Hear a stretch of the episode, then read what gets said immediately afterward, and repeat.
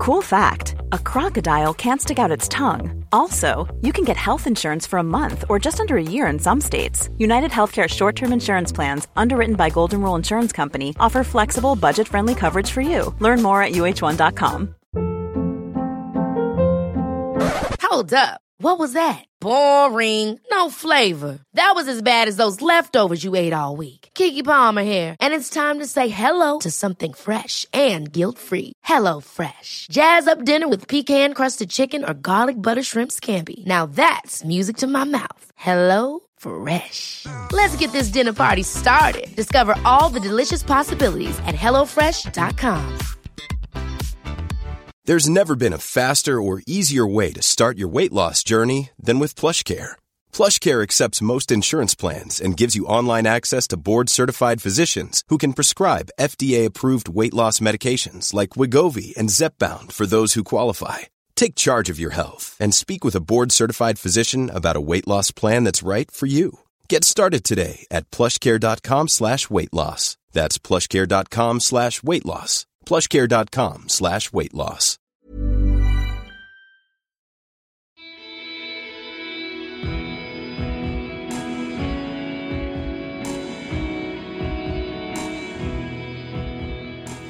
Hei, og velkommen til uh, Kaptare. Podkast uh, episode nummer én. Den spede begynnelse. Den vaklende starten. Hva betyr uh, Kaptare? Det er fra latin capto. Prøve å fange, gripe, nå, strekke seg etter. Strekke seg mot. Eh, prøver, lengter, sikte mot, begjærer. Eh, jeg tror det fanger litt essensen av hva jeg har lyst til å snakke om her. Og eh, dette er ikke en podkast med de lange monologer, men uh, som baserer seg på samtaler. Hvor jeg har samtaler med andre mennesker. Um, kommer tilbake til litt uh, rundt det etter hvert. Uh, først må jeg si takk til Sondre Lerche for å ha lagd åpningsmusikken her. Sondre kommer på påkassen om noen episoder. Han er allerede intervjuet. Tusen takk til Fastvold og Hauge som har sponset uh, utstyr. Mikrofoner, uh, lydopptaker. Uh, det er min kone og megs firma. Og apropos min kone. takk Tale Fasthold, for at du låner meg atelieret ditt, så jeg har et studio å spille inn i. det har vært en ganske lang leting eh, etter et studio, et sted å spille inn, og jeg har tenkt mye på det. Og en av grunnene til at eh, det egentlig har tatt tid å få det her opp og gå. Men eh, nå sitter jeg her og roter på pulten hennes i et uh, lite atelier på Grünerløkka. Jeg har hengt opp uh, gardiner uh, både midt i rommet og foran vinduene bak meg, bare for å få lyden litt ned. For i et stort, tomt rom så blir lyden veldig hard. Så Lyden er ikke perfekt, men jeg jobber med saken for å få den så god som mulig. Blant annet i alle de intervjuene jeg har hatt, så tror jeg har brukt til sammen syv forskjellige mikrofoner eller noe sånt. Så eh, lydkvaliteten varierer litt, men er aldri direkte dårlig. Eh, jeg tror jeg har satt standarden så høyt som det er mulig å komme. Så hva enn du hører på, så håper jeg at det høres bra ut i dine ører. Om det er et lite headset eller et stort, bra et. Hvis du hører meg bla, så er det fordi jeg har måttet notere hva jeg skal si. Jeg har gjort utallige forsøk på å spille inn denne introen. Bl.a. Blant annet i går, hvor jeg satt hjemme og prøvde å spille den inn, og startet og gjorde det på nytt og på nytt og på nytt og på nytt. Og feilet gang på gang. Jeg hadde skrevet stikkord, men jeg hadde ikke notert nøyaktig hva jeg skulle si. Så nå prøver jeg å følge et lite manus. Uh, det er som sagt ikke en podkast som kan være en monolog, men jeg må si et par ting. Eh, jeg heter Marius Hauge. Jeg er en mann midt i livet, eh, uten antydninger til noe rundt det. Men eh, jeg har to barn, seks og ti år. Er gift med en fantastisk dame som er min beste venn. Bor på Grünerløkka i Oslo. Og det har jeg gjort de siste ti-tolv årene, tror jeg. Så hva skal denne podkasten handle om? Eh, utgangspunktet er løping. Eh, det vil si, jeg har løpt i litt over fire år. Eh, startet eh, ganske voksen etter å ha vært eh, ganske lat i mange år. Jeg var ganske aktiv som ung, men når jeg kom i 20-åra, så handla det mest om eh, studier, venner, festing, sigarettrøyking, gå på bar og drikke øl osv. Uh, ha det moro. Uh, jeg klarte heldigvis å slutte å røyke når jeg fikk barn, så jeg har ikke røykt på ti år. Det er jeg utrolig glad for. Selvfølgelig. Det er vel kanskje den dummeste tingen jeg noensinne har gjort, men gjort er gjort. Så jeg har løpt litt over fire år. Um, det jeg har bedrevet tiden med når jeg har løpt, utenom å løpe selvfølgelig, er å høre på podkast. Mesteparten av tiden, faktisk. Det blir man litt preget av. Uh, blir inspirert, absolutt. Så jeg vil vel si at uh, i et år nå så har jeg tenkt på å starte en podkast, og det har rett og slett kommet ut av et behov for å ha litt lange samtaler. Jeg skal ikke påstå at jeg har så veldig mange lange samtaler. Når man er en travel småbarnsfar, så er det begrenset hvor mye man kan sette seg ned og snakke lenge med mennesker. Men jeg har lyst til å på en måte få tid til det nå. Uh, uh, og jeg vil snakke med mennesker som har egentlig et forhold til det de gjør. Om det er så er løping eller kunst uh, eller filosofi eller psykologi eller hva enn det er. Og Så ideen er vel at dette er en podkast du kan høre på når du løper. eller ikke, selvfølgelig. Du kan høre på når som helst. Du kan sitte på trikken, eller hva. Men eh, det jeg opplever, er at jeg lytter best egentlig på en podkast når jeg ikke trenger å tenke på så mye annet. Og eh, det er litt rart med det, men når man løper ganske mange turer og har løpt ganske mye rolig eh, det, er litt min meditasjon, egentlig. Så, så hører jeg på podkast og kan komme ganske dypt inn i hva andre mennesker sier. Så innflytelsene mine er vel um, The Ritual Podcast, hvis noen kjenner til han. Um, han har jo spilt inn ca. 400 episoder. Hvor han startet også som en ultraløper, men er vel egentlig nå mer enn Hva skal jeg si Kalle han en spirituell kriger, egentlig. Um, han gjør ganske mange lange intervjuer og har hatt stor innflytelse på meg. Veldig mange inspirerende mennesker han har hatt på podkasten, som jeg um, kanskje kan referere til her og på Instagram og sånn etter hvert. Um, Sid Garza Hillman en amerikansk filosof, um, musiker, uh, tidligere skuespiller. Um, en mann som jeg var så heldig å møte i sommer. Jeg gjorde et intervju med han i California. Uh, der hvor han bor, på nordkysten, Mendocino i Humble County. Uh, den episoden kommer seinere. Uh, veldig fin samtale. Min første uh, samtale, faktisk. Så den kommer. kommer tilbake til det. Og Tim Ferris har jeg hørt en del på. Han er veldig kjent. Han har skrevet noen bøker. Jeg hører ikke så ofte på Tim Ferris, men jeg hører på Tim Ferris når han intervjuer interessante mennesker. så det var litt om innflytelser. Um, jeg løper jevnlig, hver uke. Jeg har ikke hatt faktisk et opphold eh, i løpet av en uke siden mars 2015. Eh, det er vel noe som har blitt en liten sånn Jeg vil ikke si besettelse, men jeg, jeg, jeg, For å holde det gående så tenker jeg ofte på det at eh, jeg har ikke hatt et opphold siden eh, mars 2015. Det er ganske lenge siden. Jeg noterte i kalenderen min 23.3.2015 begynte å løpe igjen etter et opphold. Et lite opphold, og det oppholdet skyldtes faktisk at jeg tok en vaksine. Skulle til Albania, måtte ha en del vaksiner. Eh, rett etter jeg tok denne vaksinen, så uh, dro jeg ut på en ganske hard uh, sykkeltur, og det var ikke så smart. Jeg ble veldig syk etterpå. Så da ble jeg slått ut, og det følte jeg dette oppholdet. Men så ifølge timeanddate.com så er det faktisk 200 uker siden. Dvs. Si at jeg har løpt 200 uker på rad, og det er et lite jubileum. Eh, det har jeg faktisk venta på, så det er veldig gøy å kunne sitte her nå og si at jeg har løpt 200 uker på rad.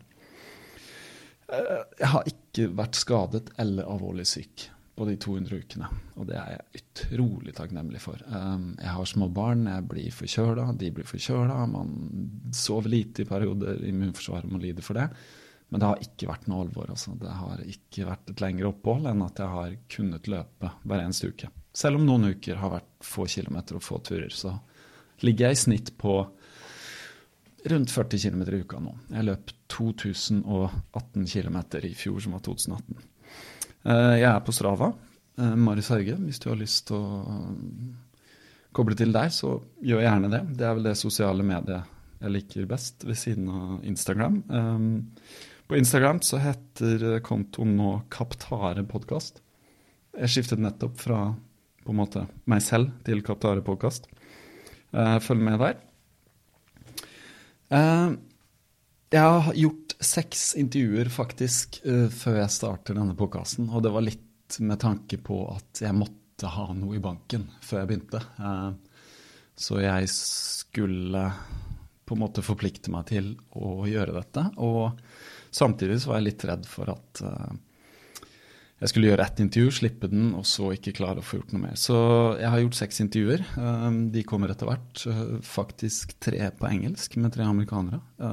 Sid Garth-Ailman, Ethan Raffel, fotograf, og Brady Corbet, som er regissør fra New York. Veldig interessante mennesker. Men min første gjest her i dag er Sindre Holme. Han er en god venn som jeg har kjent uh, siden vi begge var rundt 20 år, tror jeg. Så over 20 år.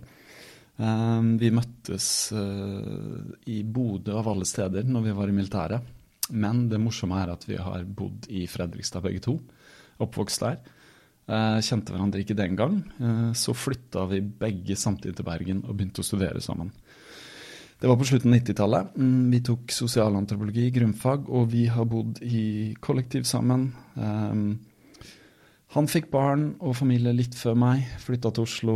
Um, jeg kom etter. Uh, siden har vi hatt jevnlig kontakt, men som to menn med jobb og barn osv., så, videre, så er det ikke så ofte vi har sett hverandre. Men Sindre er en veldig interessant fyr og en veldig morsom fyr og en god venn som jeg spurte om kunne komme på podkasten og hjelpe meg å få i gang første episode. Så det har han gjort. Så Uten å vente på noe eh, annet her nå, så uh, sier vi Vi kjører Sindre Holme, mitt første intervju. Spørsmålet er, har du noensinne tenkt på når man puster? Jeg har en tendens til å puste mye med nesa, så jeg har hørt på mine egne opptak, så er det sånn Det er derfor du må ha popfilter, vet du. Det er det. det er nei, jeg har, nei, jeg tenker ikke på det nei. når jeg snakker, men nei. det hender jeg smatter. Det har jeg hørt meg sjøl, og det irriterer meg ja. at jeg gjør. Men, så prøv ikke å gjøre det. Pleier du å høre, høre, på deg selv? Ja. Dine egne podkaster? Jeg hører en gang gjennom. Ja. Dere hører alltid en gang gjennom? Ja, jeg vil alltid høre gjennom hva det er for noe vi legger ut, ja. ja. ja. Er greit å høre, for uh, vi redigerer jo, så vi vet ikke hva som kommer med alltid. Nei, nei. Noen ganger så sitter jeg og spiller og tenker faen, det var, det var bra. Ja. Og så, så redigerer Marius, og så, så, så, så han tatt det bort. For det funka ikke liksom i sammenhengen. Nei. Så er det sånn Faen, hva skjedde nå? Nei da, men jeg hører igjennom en gang. Men aldri noe mer. Det er nei, ikke noe sånn jeg sitter og hører og hører. Og nei, nei, hører heller på andre. Og ja. andre jeg skjønner, man har ikke tid til Men man kan lære av sine egne ting. Og sånn derre OK, ja, der Knekt, knekt, hver, hver episode er jo forskjellig ofte. Ja, ikke sant dynamikk i den. Mm. Nå det kanskje derfor Nei, jeg må ha det popfilteret. Jeg er jo en nesepuster, jeg, vet du. Jeg puster så jævlig med nesa. Husk på at du er ikke ute og løper nå. Tar du opp nå, eller? Jeg har begynt å ta opp, ja. men jeg, jeg, begynner jo Skal vi se. Ja. Uh, hei, Sindre Holme. Velkommen til podkast. Tusen takk for det. Uh, veldig gøy å ha deg med. Du er en, uh, faktisk en erfaren podkaster. Du har en egen podkast, eller dere har. Kanskje du kan fortelle litt om den? Hva den heter? Uh, ja, selv om jeg har drevet med podkast i ganske mange år, så er det helt sikkert ingen som har hørt på. Som kanskje. kanskje ikke. Eller ikke helt sikkert, men kanskje antageligvis ingen som har hørt. Nei, jeg begynte å lage podkast for uh, begynner å bli fem år siden, eller? 2012? Nei, det er jo seks år siden. Snart sju år siden. Seks, år siden, seks og et halvt år siden, faktisk. Det er jo lenge før folk begynte å egentlig høre på podkast. Det er jo uh, ny tidsregning, eller en annen Ja, nesten et annet årtusen, sånn i podkastsammenheng, kan ja. man si. Ja. Da, tidlig tidlig podkast-tid. Ja. Altså ja, kritt, krittiden innenfor podkast, kan man si. da. Uh, så det, det, var en tid hvor det var uh, egentlig, Jeg jobba i PR-byrå den gangen. Og det var på den tiden eh, man skulle begynne å blogge. Da var det populært å begynne å blogge. Alle tenkte at blogging, det, ja. det er uh, greia, liksom. og da hadde vi en sjef som som var opptatt av at vi skulle blogge i byrået her hver dag. Mm. Og da måtte man ha noe å skrive om hver dag, og det, det, var ikke så lett å finne nye temaer hele tiden. Så, hver dag, ja. Hver dag. Mm. Så da hadde vi forskjellige eh, noen? Vi hadde forskjellige dager hvor det er ansvar for å skrive om saker. da, Så sa sjefen at podkasting, hva er det for noe? Ja, det kan jeg kanskje skrive, la oss finne ut hva det er for noe. Så fant vi litt ut hva det var for noe. Mm. Og da var det noe som heter This American Life, som eksisterte, som jo var veldig, veldig bra. Som er en veldig bra podkast fortsatt. Mm. Uh, så vi, begynte, vi skrev liksom en bloggsak om det. Uh, og så fant jeg ut at en av de uh, en av de som jeg jobba med, han var en tidligere radiodude. Marius Staulen heter han. Mm. Så vi bestemte oss for ja, vi kan jo bare lage en podkast sjøl og se åssen det går. Og så begynte vi. Mm. Og så slutta vi ikke. Så dere holdt det gående? Jeg holdt det gående. Hatt en liten pause på noen måneder. Ja. Uh, men ellers så har vi kjørt hver uke, stort sett utenfor, utenom sommerferie og, og, jul, da. Ja. Mange episoder snakker vi om nå? Det er snart 200 episoder nå. Det er bra. Mm. Ja. Nei, det er veldig bra. Uh, ja, det er jo en av grunnene til at jeg ville ha deg med her, er at du er jo en erfaren Altså, dette er min første episode. Selv om jeg har gjort noen opptak som jeg kommer til å slippe etter hvert, så er det dette som er ideen at blir første. Mm. Uh, et par grunner til det. At uh, du og jeg kjenner hverandre ganske godt og har kjent hverandre ja. i mange år. Så jeg tenkte ja. fin måte å få det i gang på. Fordi jeg intervjua tidligere, har vært noen jeg har kjent, noen har ikke kjent så godt. Uh, og så er det én ting jeg har lyst til å snakke med deg om som jeg kommer til å være litt opptatt av på denne podkasten, og det er løping. Mm. Eh, du, for du har begynt å løpe? Ja, jeg begynte å løpe uh, ganske nylig. Eller egentlig begynte å løpe litt sånn på en måte litt systematisk i fjor. Mm. På sånn rundt i mai, tenker jeg. Og har skjønt at uh, det er ganske kult. Mm. Og du holdt det gående, ikke sant? Har... Jeg holdt det, holdt det ja, gående. Ja. Uh, med, nå ødela jeg broddene mine i går. Uh, så jeg mm. løp oppi, Mari, oppi Maridalsvann i går. Uh, og skjønte at uh, er det, det, er kanskje ikke nå man skal løpe i skauen, for nå går jo alle langrenn. Så jeg løper jo mellom langrennsløperne. Ja. Um, og dukka av staver og bikkjer som løper i sporet osv. Ja. Men uh, ja, det, jeg er veldig glad jeg har blitt. Veldig glad i å løpe, faktisk. For vi har jo løpt noen turer sammen. Uh, du bor på Bjølsen, jeg bor på Grünerløkka. Så det har vært sånn at jeg har løpt opp til deg, og så har vi løpt videre Maridalsvannet ned. Så det har blitt sånn passe tur for deg, og litt lenger for meg. Som er vant til å løpe litt lenger. Um, og så har jeg jo pusha litt på deg. Uh, jeg vet ikke om jeg kan ta æren for at du kanskje har meldt deg på Ecotrail? Kan jeg ta æren ja, for det? Kan, eller? Du kan, siden vi nå snakker i en podkast som du er host, så kan du godt ta æren for det. Hyggelig. Tusen takk. Nei, men jeg vet at jeg har mast litt på deg om, uh, om løp og sånn. Um, og du skal løpe Ecotrail, som er i slutten av mai. I slutten av mai, stemmer. Nå skriver vi midt i, midt i januar. Ja. Så vi har uh, Det er ganske god tid. Har du begynt å tenke litt systematisk på trening og hvordan du skal legge opp løpet fram mot det? Jeg har egentlig ikke det, fordi jeg har uh, Eller jeg har begynt å se litt på ulike måter å trene seg opp til det på. Um, jeg har ikke sett noe på løypa. Jeg har bare sett at det er litt skog og litt sånn, og det ser jo gøy ut. Det er en gøy løp, ja. Uh, for jeg husker jeg løp veldig mye skog før, da jeg var yngre. Da, da, spilte jeg hockey, og på sommeren da så trente vi veldig mye barmarkstrening, som vi kalte det. Ja. Da løper vi veldig mye i skogen. Uh, så, så, det ser jo veldig gøy ut. Og så har jeg vel lært etter hvert at um, hvis man skal løpe langt, så hold, kan du ikke bare løpe prøve å løpe så langt som mulig hver gang man trener. Man må ha et system. Må man noen ganger løpe fort, noen ganger løpe veldig sakte, og noen ja. ganger ganske langt. Egentlig så er det jo sånn at det er, det er ganske mye sakte. Altså i hvert fall det man kaller relativt sakte. Hvor man kan løpe under der hvor man blir sliten. Altså, mm. eller hva skal jeg si Der hvor man slipper å puste og pese så mye. Mm. Hvis du begynner å puste og pese ganske mye når du løper, da jobber du egentlig ganske hardt. Men det, men det der syns jeg er vanskelig. For mm. uh, jeg har løpt uh, Jeg løpt senest i går. Og hadde tenkt å ta det som en rolig tur. Mm. Det ble sånn ca. 14 km lang tur. Mm.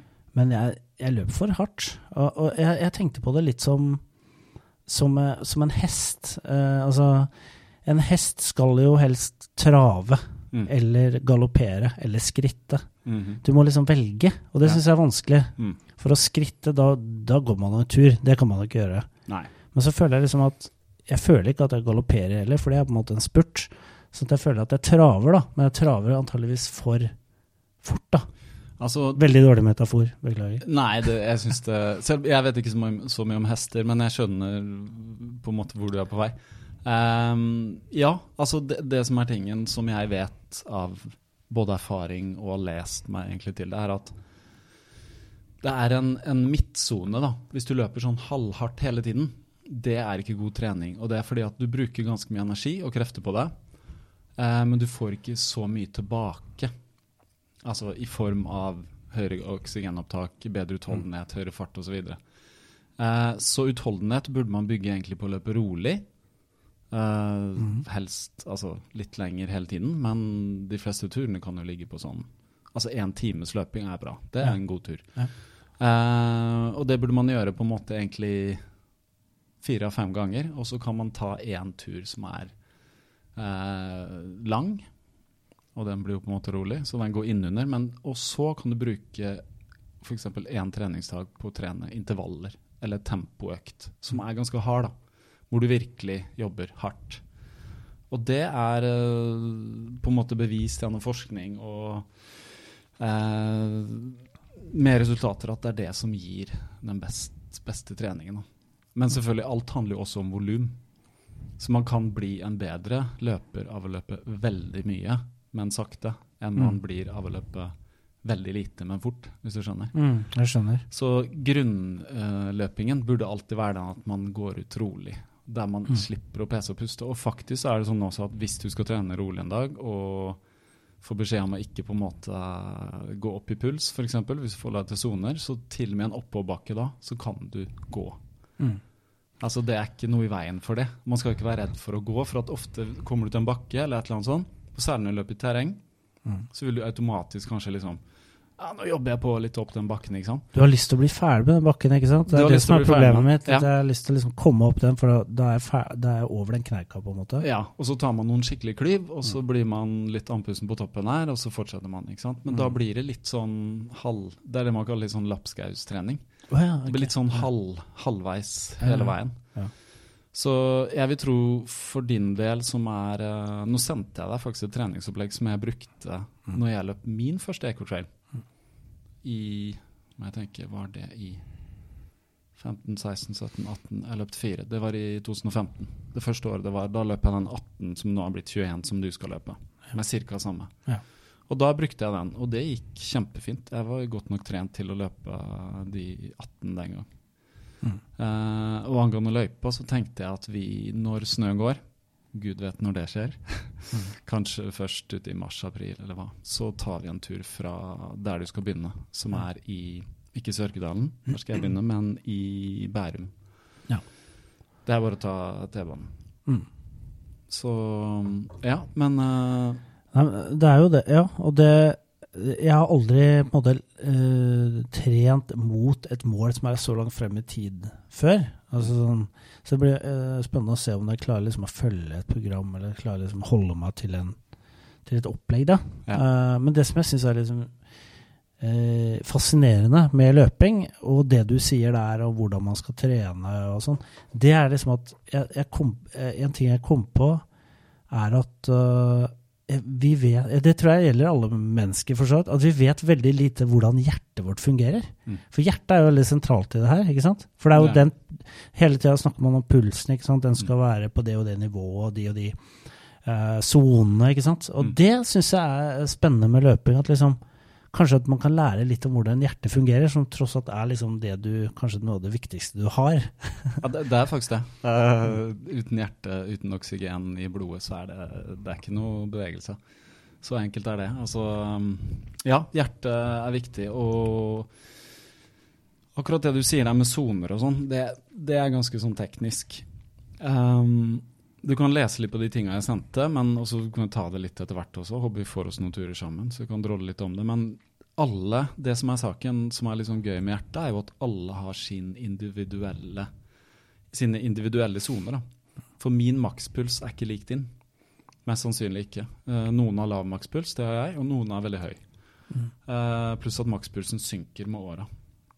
Okay. Så det er en regel som sier makspuls 220 slag minus alder. Mm. Veldig sånn grovt, da. Og så er det noen som har noe litt mer avanserte ting. Men la oss si at for din del som er 40, så er den 177-182. Jeg har vært over 180 på ja, du, klokka her. ja, da, Hvis den stemmer, så har du ganske høy makspuls. For jeg klarer knapt å presse meg over 170 med ja, okay. å jobbe ja. så hardt jeg kan. Uh, jeg var på løpelabbet og fikk testa ikke makspuls for så vidt, men det som kalles terskel. Mm. Hvor de måler uh, tar blodprøver, og så måler de syrenivå i blod. Eller laktatnivå, da, som det heter. For det er jo Når du løper, så får du jo Altså bygger kroppen laktat, melkesyre. Men den blir på en måte um, prosessert mens ja. du løper, så du bygger aldri noe opp. Nei. Hvis ikke du løper veldig hardt opp mot det som kalles terskelpuls, hvor du da får mer melkesyreoppbygning i blod enn kroppen tar unna igjen. Og Det er mm. det som gjør at du blir stiv. Eller hvis du kjenner musklene dine er sur. ikke sant? Mm. Melkesyre, alle har gått på en spurt, og så kjenner du melkesyre. ikke sant? Mm. Så det er det som er trikset, er uh, når du skal trene den, for den terskelen kan du trene. Mm. Det er den man virkelig kan flytte ja, riktig, på. ikke sant? Så det er der sånn intervalltrening kommer inn, f.eks. For, eksempel. for det, ja. det, kommer du til å se antagelig på, på, det programmet. Jeg lurer på om det har noe sånn Du løper i to minutter, mm. eh, veldig hardt, eller tre minutter, og så løper du ett og et halvt minutt jogger, eller går. Og ja. så skal du pushe tre minutter igjen, og så skal du ikke sant? Så du tar ca. halvparten av pausene som det du har løpt hardt. da. Mm. Det er f.eks. noe som også heter fire ganger fire. Dvs. Si at du løper fire ganger fire minutter veldig hardt, ja. med to minutter pause imellom. Det er en veldig ja. sånn god måte å bli mm. få god form på. Ja. Uh, hvor, hvor, mye altså når jeg tenker på, for det, det som slo meg når jeg begynte å løpe, det var at uh, jeg har prøvd å løpe litt før.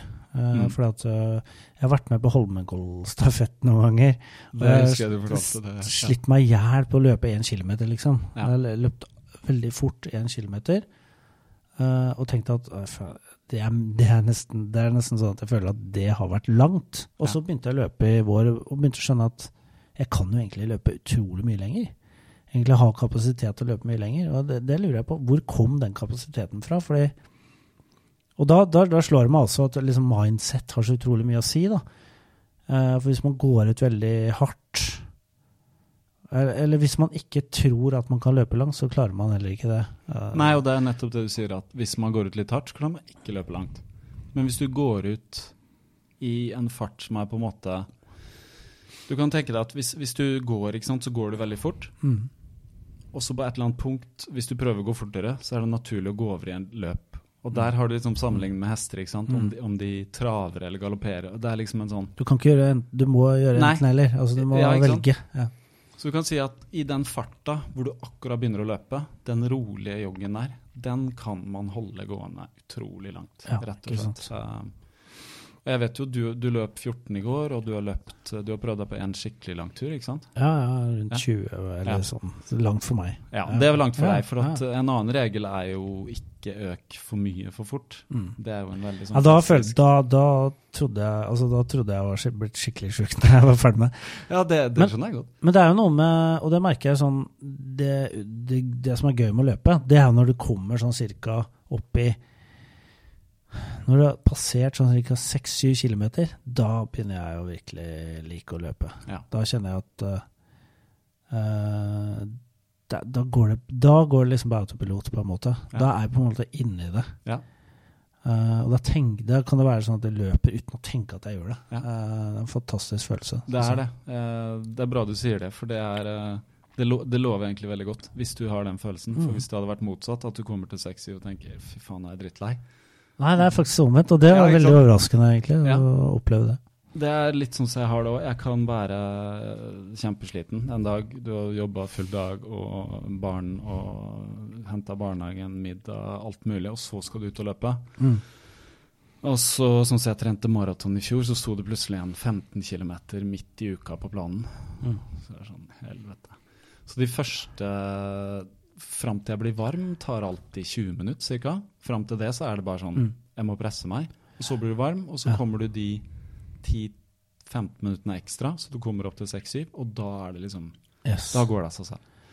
Og da kan du holde det gående ganske lenge, men selvfølgelig kommer du til en ny terskel ja. hvor du på en måte kjenner at Sånn kanskje rundt 13, eller det spørs. Mm. Ja. Hvor det blir tungt igjen. Mm. Uh, og så må du jobbe igjen, men så kan du komme til, på en måte til en enda en ny flyt. For dette har jeg prøvd, før jeg har løpt uh, 25-30, 35. Mm. Også løpt maraton, selv om det er en helt annen historie, for da løper du jo fort hele tiden. Ja.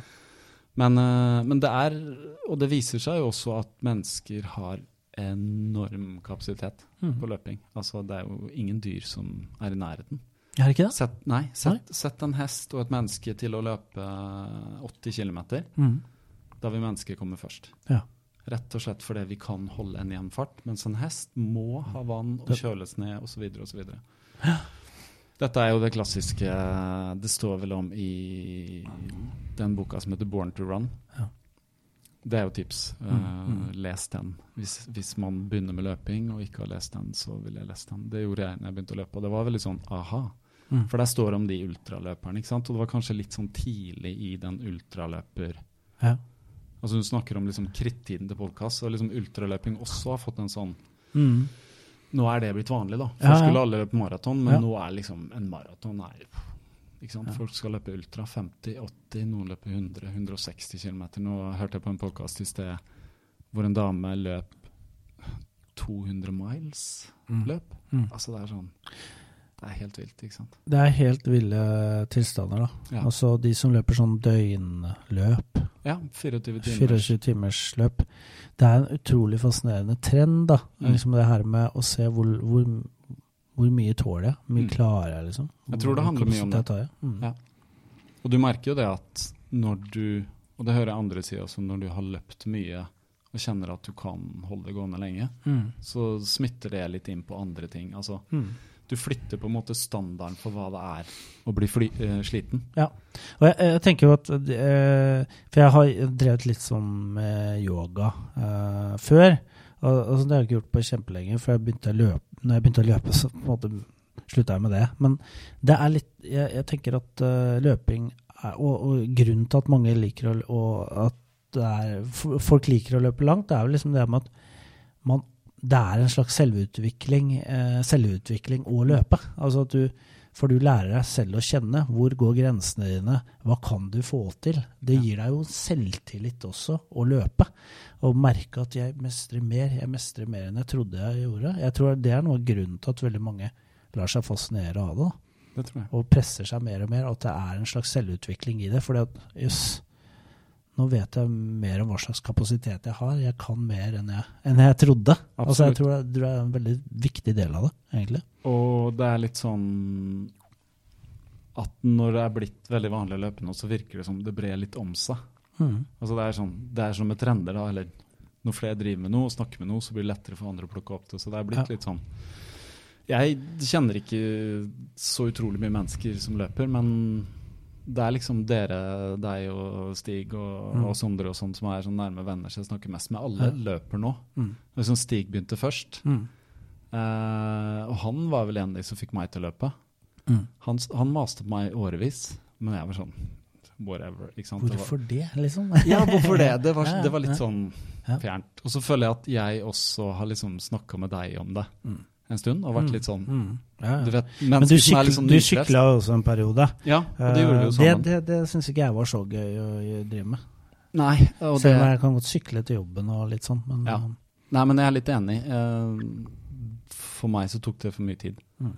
Det var litt sånn For det første er det det med sykkelen, at mm. du må liksom hele tiden holde den i stand.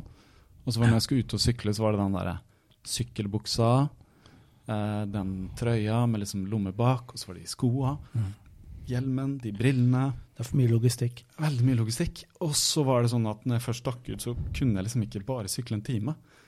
Det måtte bli to timer, noen ganger tre timer. Og det mm. funka ikke med familie og barn. og sånn. Så det var derfor jeg begynte å løpe. Det kom til et eller annet tidspunkt hvor det var høst. Det er vel, om jeg tenker 2014. Mm. Uh, høsten 2014. Så bare tenkte jeg jeg bare prøver å løpe en tur i Botanisk hage. Ja. Så det var liksom bare sånn Ja. ja. Det, det, går jo det, liksom. Det Selv om det var litt rart. Ja, Løp en runde, et par runder. Uh, hadde selvfølgelig vondt i kroppen etterpå. For at ryggen, blant annet, ikke vant å liksom? Har du kjent noe på noen sånne ting? Altså vondtere eller at da fysikken har liksom Veldig lite. Seg? Jeg kjente litt i leggene eh, når jeg løp eh, sånn 20 km. Ja. Da kjente jeg det. Men da, da, da, tenkte jeg at ok, dette eh, det, eller det var også en god opplevelse, for jeg tenkte det er ikke kondisen jeg står på. Det er eh, styrken, og den kan jeg trene opp. Det burde jeg liksom klare å trene opp, da. Ja. Uh, så det er det eneste jeg har kjent, faktisk. Uh, Overraskende nok så er jeg ikke så uh, på en måte gamling i kroppen som jeg hadde trodd at jeg var. Nei, nei, nei. nei men det er bra. Uh, har du drevet med noe annet, liksom på en måte enn sykling og yoga? Sånn ikke, siden Ikke noen ting, men jeg, um, jeg, jeg er veldig glad i å, å gå, uh, egentlig. Mm. jeg kan gå ganske langt, og jeg har alltid gått mye, fordi at jeg jobber jeg jobber, jeg jobber, med, jeg jobber jo med kreativitet. Eh, jeg er kreatør eh, og gjør, eh, ja, jobber med forskjellige ting som har med kreativitet å gjøre. Og kreativitet, det kommer til meg når jeg går, veldig ofte. Da er man liksom i ikke, ikke jobbmodus, og det er gjerne da liksom man Jeg tenker best, da, når ja. jeg går. Um, Sånn at, og det har vel egentlig vært, kanskje pga. at det er gått mye, at det med å løpe ikke var noe så stor overgang som, som det, det, var ikke noe stor overgang, rett og slett. Så, og det, det, henger jo litt sammen med tenker på når jeg løper også. Så før så tenkte jeg at når jeg skulle ut og løpe, så må jeg høre på musikk. Men det gjør jeg ikke lenger. Sånn at eh, når jeg begynte å løpe litt lenger, da, som jeg gjorde i fjor, og fram til nå så har jeg aldri hørt på musikk når jeg har løpt. Uh, jeg, enten så vil jeg ikke høre på noen ting, bare ta imot liksom sanseinntrykk fra liksom naturen og sånn, mm. eller høre på noen som prater. Podkast. Eh, podkast funker veldig bra uh, når jeg løper. Uh, for da kan jeg lære et eller annet, eller sette meg inn i et eller annet tema som det snakkes om. Mm. Men fakt, merkelig, jeg vet ikke hvorfor det er sånn. Men musikk funker ikke så godt for meg lenger når jeg skal løpe. Jeg er enig, for så vidt. Jeg hører heller ikke musikk. Hva kan være grunnen til at vi Nei, det er litt det der med det. Jeg hører ganske mye musikk hjemme. Ja. Mm, jeg hører ikke så mye musikk før jeg hørte mye musikk ute også. På ja. trikk og buss og sånn. Mm. Uh, men jeg har ikke det samme behovet lenger, egentlig. Nei. Men jeg må innrømme at noen ganger når jeg er veldig lite motivert til å løpe, og jeg vet at jeg trenger bare noe, så har jeg satt musikk. Jeg hadde mm. annet en tur ikke nå i helgen, men forrige helg. Skulle jeg teste å løpe liksom, i litt sånn sone to litt fortere enn rundt 14-15 km, og da måtte jeg ha musikk. Mm. For at jeg var litt sånn Jeg var sliten i hodet, og så tenkte jeg mm.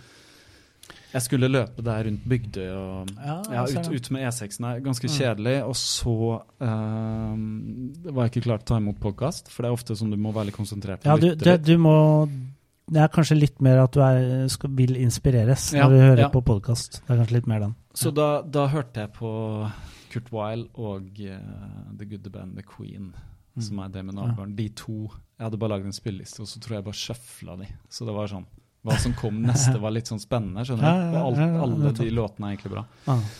Utenom det Da er det bra på uh, Spotify, som, ikke, som, er premium, og ikke at du får den reklamen. Absolutt. Jeg har ikke hatt reklame Spotify siden uh, Men akkurat det der med podkast, vil si noe om det, fordi det har vært kjempeviktig for meg. Altså Jeg føler at løping og å høre på podkast mm. har på en måte Altså Det er jo grunnen til at jeg sitter her nå og har lyst til å lage podkast. Ja. Fordi at jeg føler at, også, at både blir inspirert og jeg har lært mye av podkaster. Mm. Som ikke nødvendigvis handler om læring, men å bare sitte og høre på samtaler mellom mennesker, mm. som jeg liker veldig godt. Lange intervjuer. Eh, folk som er dyktige monologer, som er filosofer eller du vet, som har liksom, et tema de snakker om. Eh, noen lydbøker. Mm. Ikke fiction, altså, men på en måte ja. psykologi, ja. filosofi, sånne ting. Samme her. Eh, vært kjempeinspirerende.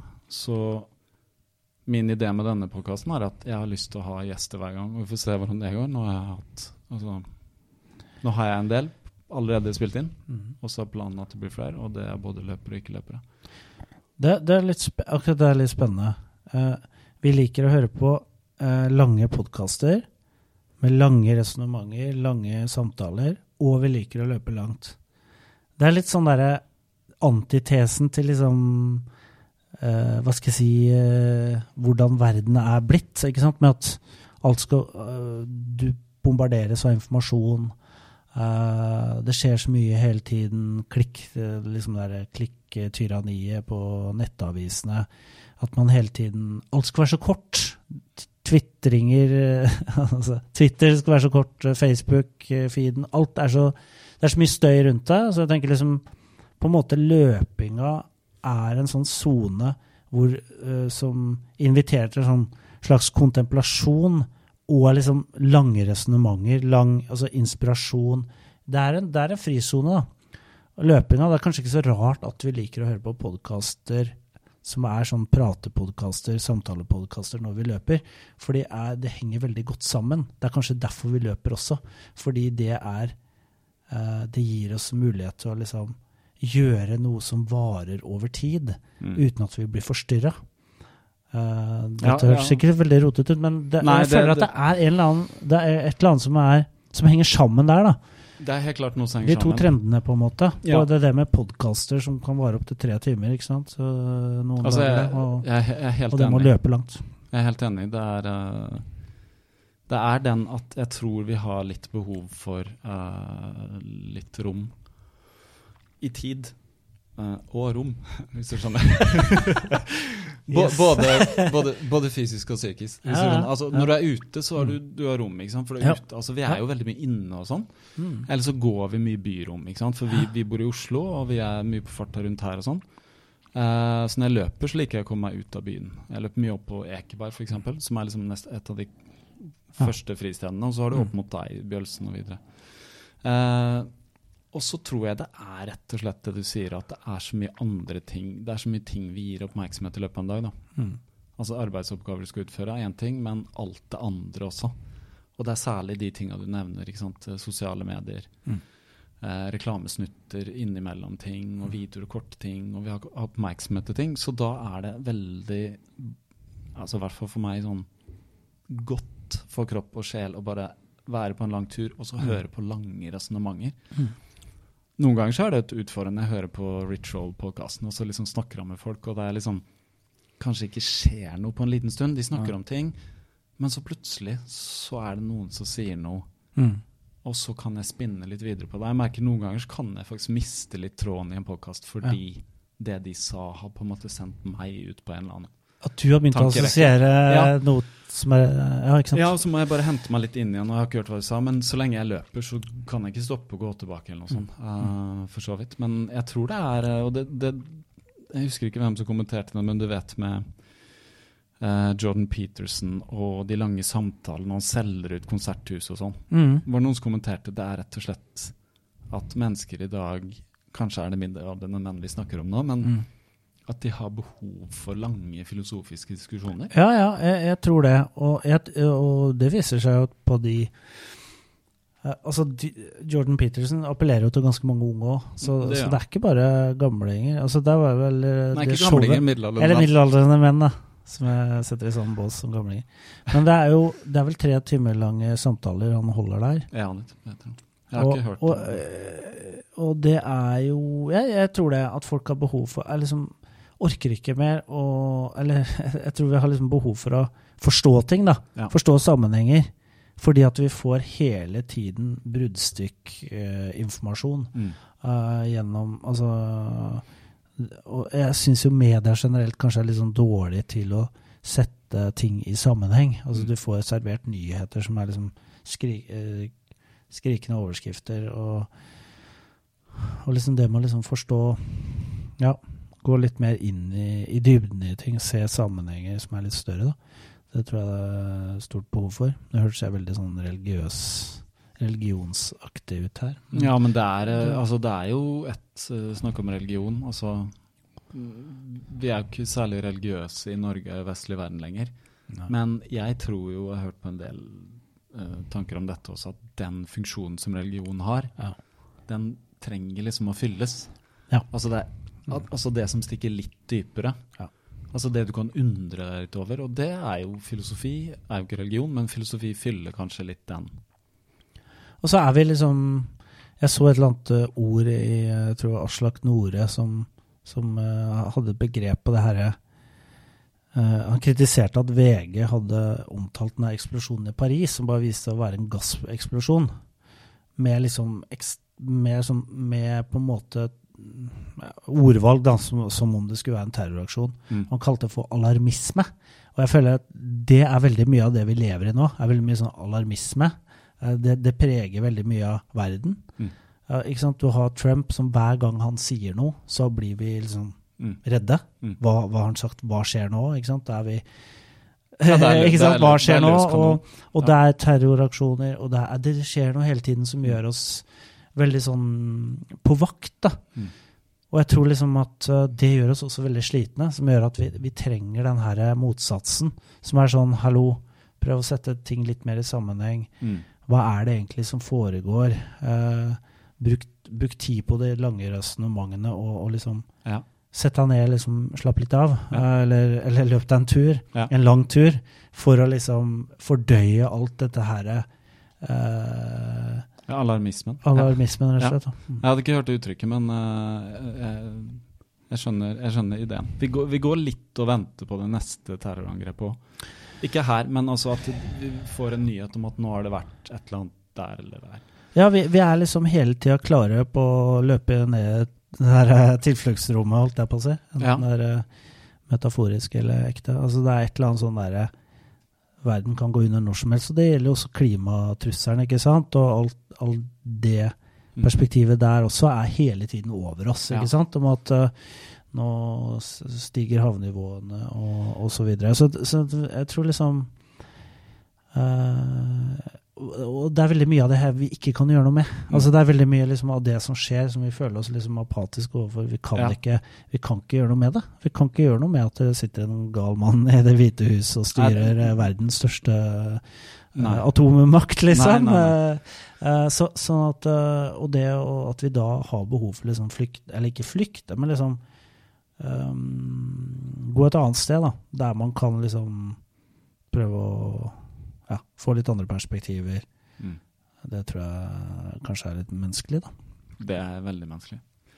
Så, så derfor løper vi. Det er jo uh, ikke bare pga. de Altså, jeg tenker på det her med ultraløping. Uh, jeg har lyst til å få noen ultraløpere her og snakke litt med de, men jeg har hørt en del podkaster med ultraløpere. Det har kanskje vært mest Rich Men han er sånn, litt opptatt av de. Og det virker som der er det et eller annet ekstremt igjen nå, som mm. må ta seg ut. For det uh, Jeg vet ikke om det er noen sammenheng, men jeg ser at det er en del mennesker som har hatt uh, kanskje vanskelige barndommer, mm. opplevd traumatiske ting. Så har de kanskje begynt å misbruke narkotika, alkohol mm. mm. eller sex, gambling, et eller annet sånt. Mm. mm. Og så har de kommet seg ut av det, men så er det en vanvittig energi eller et eller annet som må Som ikke de får plassert noe sted. Ja, som ja. må kanaliseres. Og da ser jeg at det er mange som løper. Ja.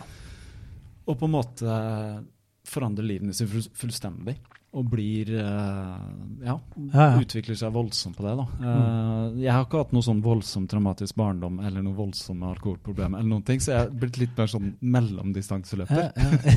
så jeg tenker at For meg er det litt mer sånn middelveien. Jeg tenker at kanskje det gjelder deg også, fordi mm. Men jeg gleder meg veldig til faktisk uh, Så jo lenger du løper, jo verre har du hatt det i barndommen? Ja, ikke sant? Hvis du er en ultraløper, så er det garantert en eller annen historie. Ja, ja, det må ikke nødvendigvis være det. Også, altså. fordi sånn som han uh, uh, Hva heter han igjen? Han står helt stille for meg, men han spanske ultraløperen. Vet du hva jeg mener? Han som er Egentlig vet jeg kjempegodt hva han heter, men nå er det litt sent på ettermiddagen, så nå har jeg glemt det. Han som faktisk bor i Norge, er eh, gift med en svensk uh, ultraløper? Nei, jeg vet ikke hvem det er. Nei, ok. Det er litt kjedelig, da. Men han uh, har ikke den bakgrunnen. Han har mer som bakgrunn at foreldrene tok han med ut i fjellene i Andalusia, og så var det veldig mye friluftsliv, da. Mm. Så han ble vant til dette med løping fra tidlig. Ja. Så han er veldig sånn glad og du vet, Ikke religiøs, ja. men bare sånn ja. positiv fyr. liksom. Så virker det ikke som det må være sånn, men eh, jeg ser at det er en del mennesker. Så sånn sett er det jo bra med men, løping. Er det ikke noe som kalles for addictive personality? At du kanskje på en ja. måte har At det kan uh, være noe? Altså at du, du har uh, Du har kanskje du har vært hekta på ting, da.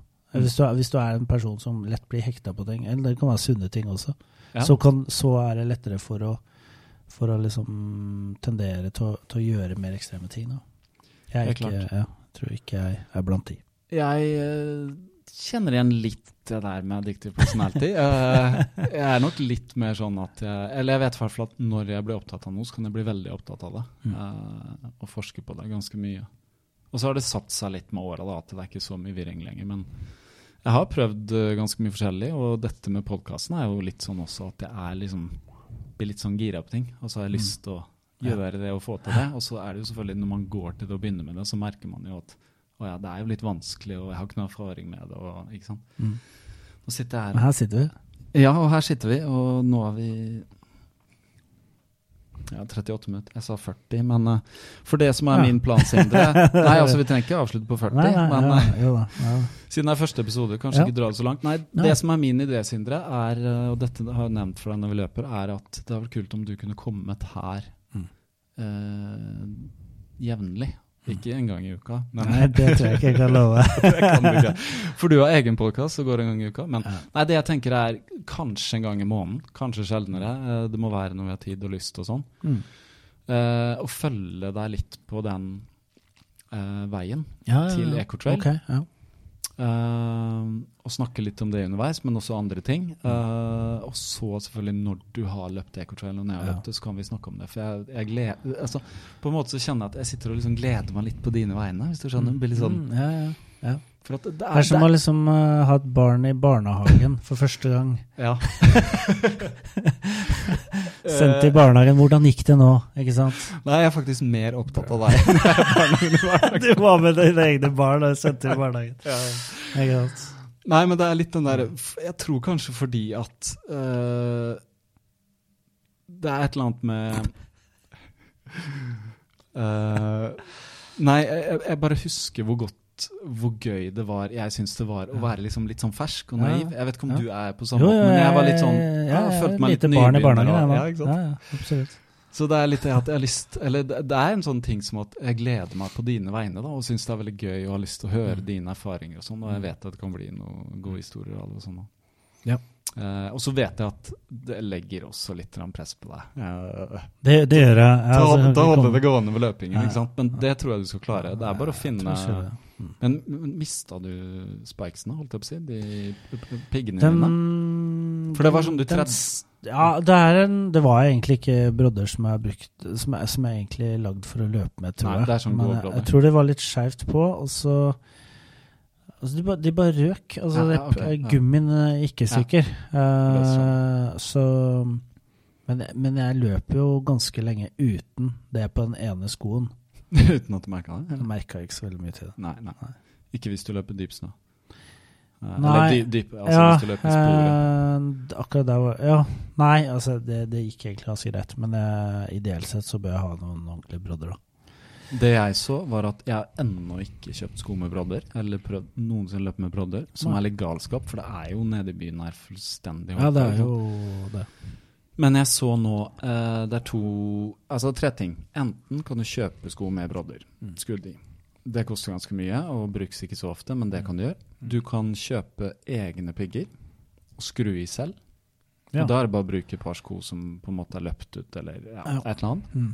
Eller du kan levere det inn så er, til løpelab, XXL, sånne ting.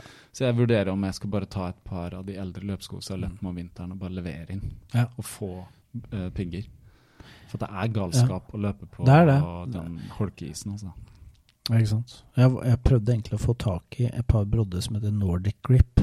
Ah. Som jeg selv har vært med på å lage ja, det en sin tid. Eh, lage og lage. Jeg jobba med utvikling ja. av de.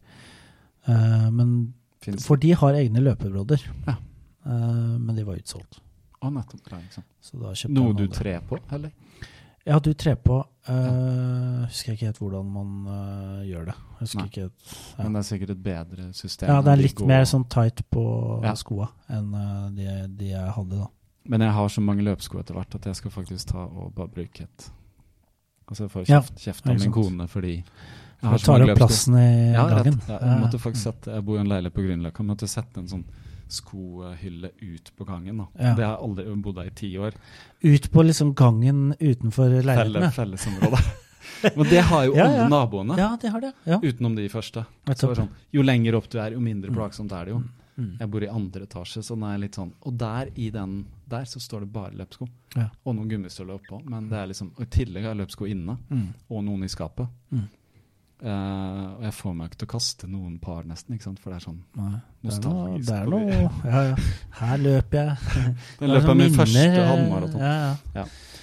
Nei, men uh, uten forpliktelser så tror jeg vi kan si at vi kommer til å snakke med deg igjen. Mm. Jeg vet ikke hvem jeg refererer til når jeg sier vi. Jo, vi, ja, ikke sant. Det er jo et konglomerat, det er konglomerat bak deg. Ja, det er det. Ja, det, er, det, det, er, meg og på en måte alle mine personligheter også som jeg tar med. Ja, ikke sant. Alle dine du har jo ganske mange personligheter har, har innabords. Alle, alle, har jo det, egentlig. Alle har jo egentlig det, men ja. det er ikke alltid vi spiller dem ut. Nei, det er det ikke. Uh, så mm.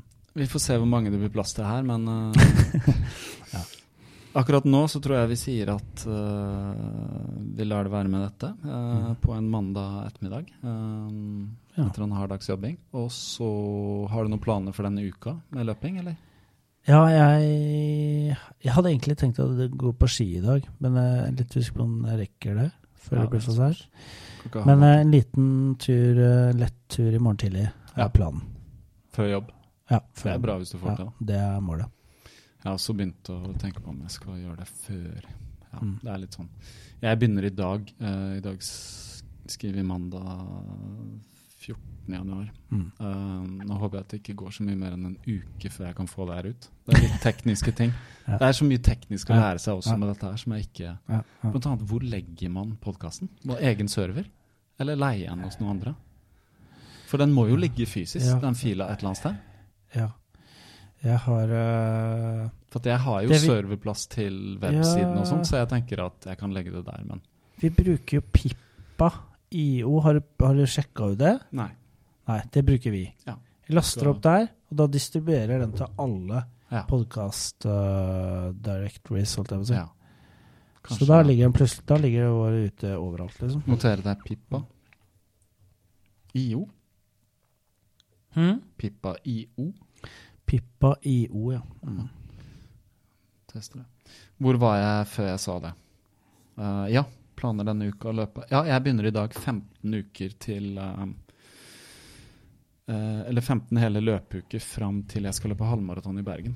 Meldte meg ja. på der. Slutten av april, så det er en måned før Ekortrail. Eller fire uker før Ekortrail. Så for meg blir det på en måte hoved...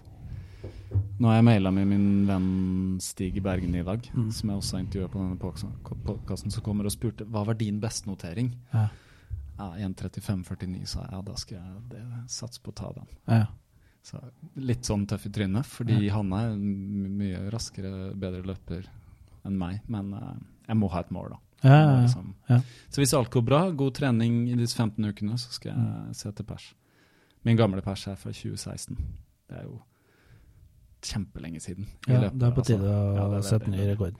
Mm. Men uh, middelalder mann med to barn, så ja. Mm. Du, du, du, vet også det. Du har også to barn. Ja.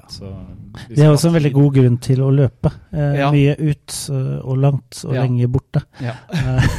Hvis barna har noe å drive med. Apropos, da min kone var sånn 'Kommer du hjem til å legge Isabel i dag?' sa jeg ja, jeg skal prøve på det. Så jeg, jeg klarer det. Så, så, vi bør vel egentlig avslutte. Men eh, vi, vi, ses og snakkes igjen, uh, Sindre. Uh, tusen takk for at du kom. Kan du bare nevne oss, for jeg tror ikke du sa navnet på podkasten din? Norske informasjonsrådgivere ja. heter det. Også kalt NIR, ikke sant? Også kalt NIR, ja. NIR. Mm. Og den finner man. Utrolig kjedelig navn, og, men forhåpentligvis ikke så kjedelig å høre på. Den er morsom. Som navnet jeg synes den er tilsier. Mm. Jeg får ikke hørt på den hver gang. Jeg hører på litt uh, her og litt der. Um, men som jeg skrev til deg på en tekstmelding, jeg hørte på den mm. uh, Jeg var og løp på Bislett. Ja. Eh, og så hadde jeg akkurat Jeg hadde løpt noen intervaller, sånn, så jeg hadde en pause, og så sa du et eller annet. Jeg husker ikke hva, men jeg bare lo mm. ut veldig sånn høyt. Ja, ja i, og folk bare så på meg veldig rart. Sånn. Mm. Ja. Det er et godt tegn. Ja. Det er et godt tegn. Så jo da, den er morsom. Det, det, er, eh, det, er, en bra podkast, jeg vil anbefale den. Og den er ganske, dere er ganske sånn tighte. Ja, er det, det, er ganske uh, ja, ja. hardt klippa, holdt jeg på å si. Det er, vi klipper Ja, den varer ca. en halvtime. Ja. Vi føler at vi har ikke noe mer å Nei, men noen ganger Men det er hver uke, og dere diskuterer uke, og ting og tang. Ja ting og tang. Noen ganger så er det også veldig deilig å bare ha en kort, tight podkast, mm. og så kan du ha lange Jeg orker ikke ja, ja. fem Old på rad, eller fem Nei, det er det. Nei. Den er, den er, liksom akkurat tilpassa, for den kommer ut fredag morgen. Så da, den holder akkurat til den derre bussturen ja. du skal ta til jobb. Ja, ikke sant.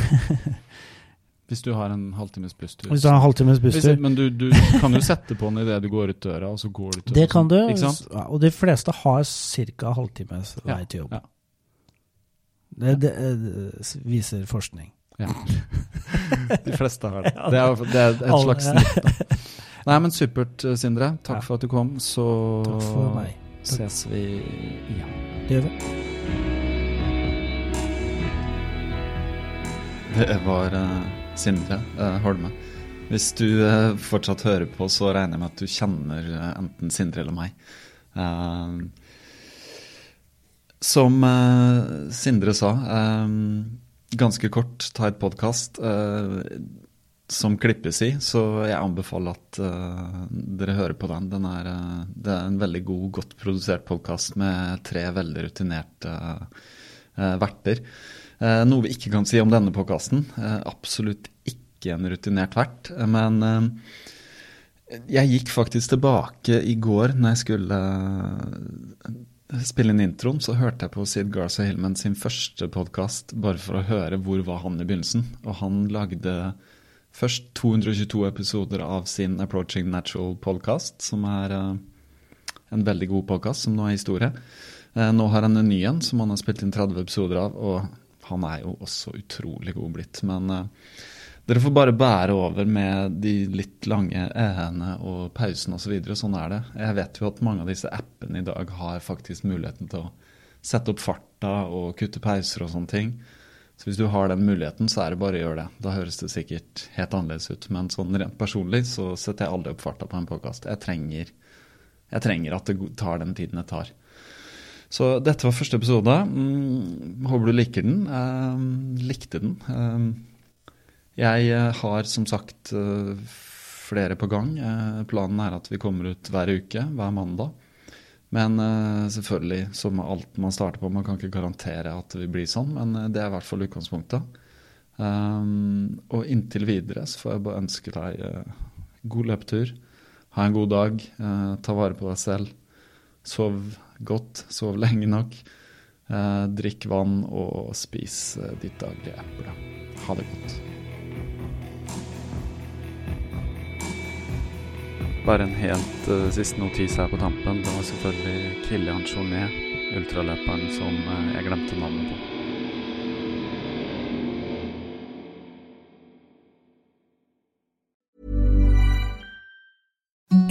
The softest sheets you've ever felt. Now imagine them getting even softer over time. That's what you'll feel with Bowl and Branch's organic cotton sheets. In a recent customer survey, 96% replied that Bowl and Branch sheets get softer with every wash. Start getting your best night's sleep in these sheets that get softer and softer for years to come. Try their sheets with a 30-night guarantee. Plus, get 15% off your first order at bowlandbranch.com. Code BUTTERY. Exclusions apply. See site for details. Hold up. What was that? Boring. No flavor. That was as bad as those leftovers you ate all week. Kiki Palmer here, and it's time to say hello to something fresh and guilt-free. Hello Fresh. Jazz up dinner with pecan-crusted chicken or garlic butter shrimp scampi. Now that's music to my mouth. Hello Fresh. Let's get this dinner party started. Discover all the delicious possibilities at hellofresh.com. Even when we're on a budget, we still deserve nice things. Quince is a place to scoop up stunning high-end goods for 50 to 80% less than similar brands. They have buttery soft cashmere sweaters starting at $50, luxurious Italian leather bags, and so much more. Plus, Quince only works with factories that use safe, ethical, and responsible manufacturing. Get the high-end goods you'll love without the high price tag with Quince. Go to quince.com/style for free shipping and 365-day returns.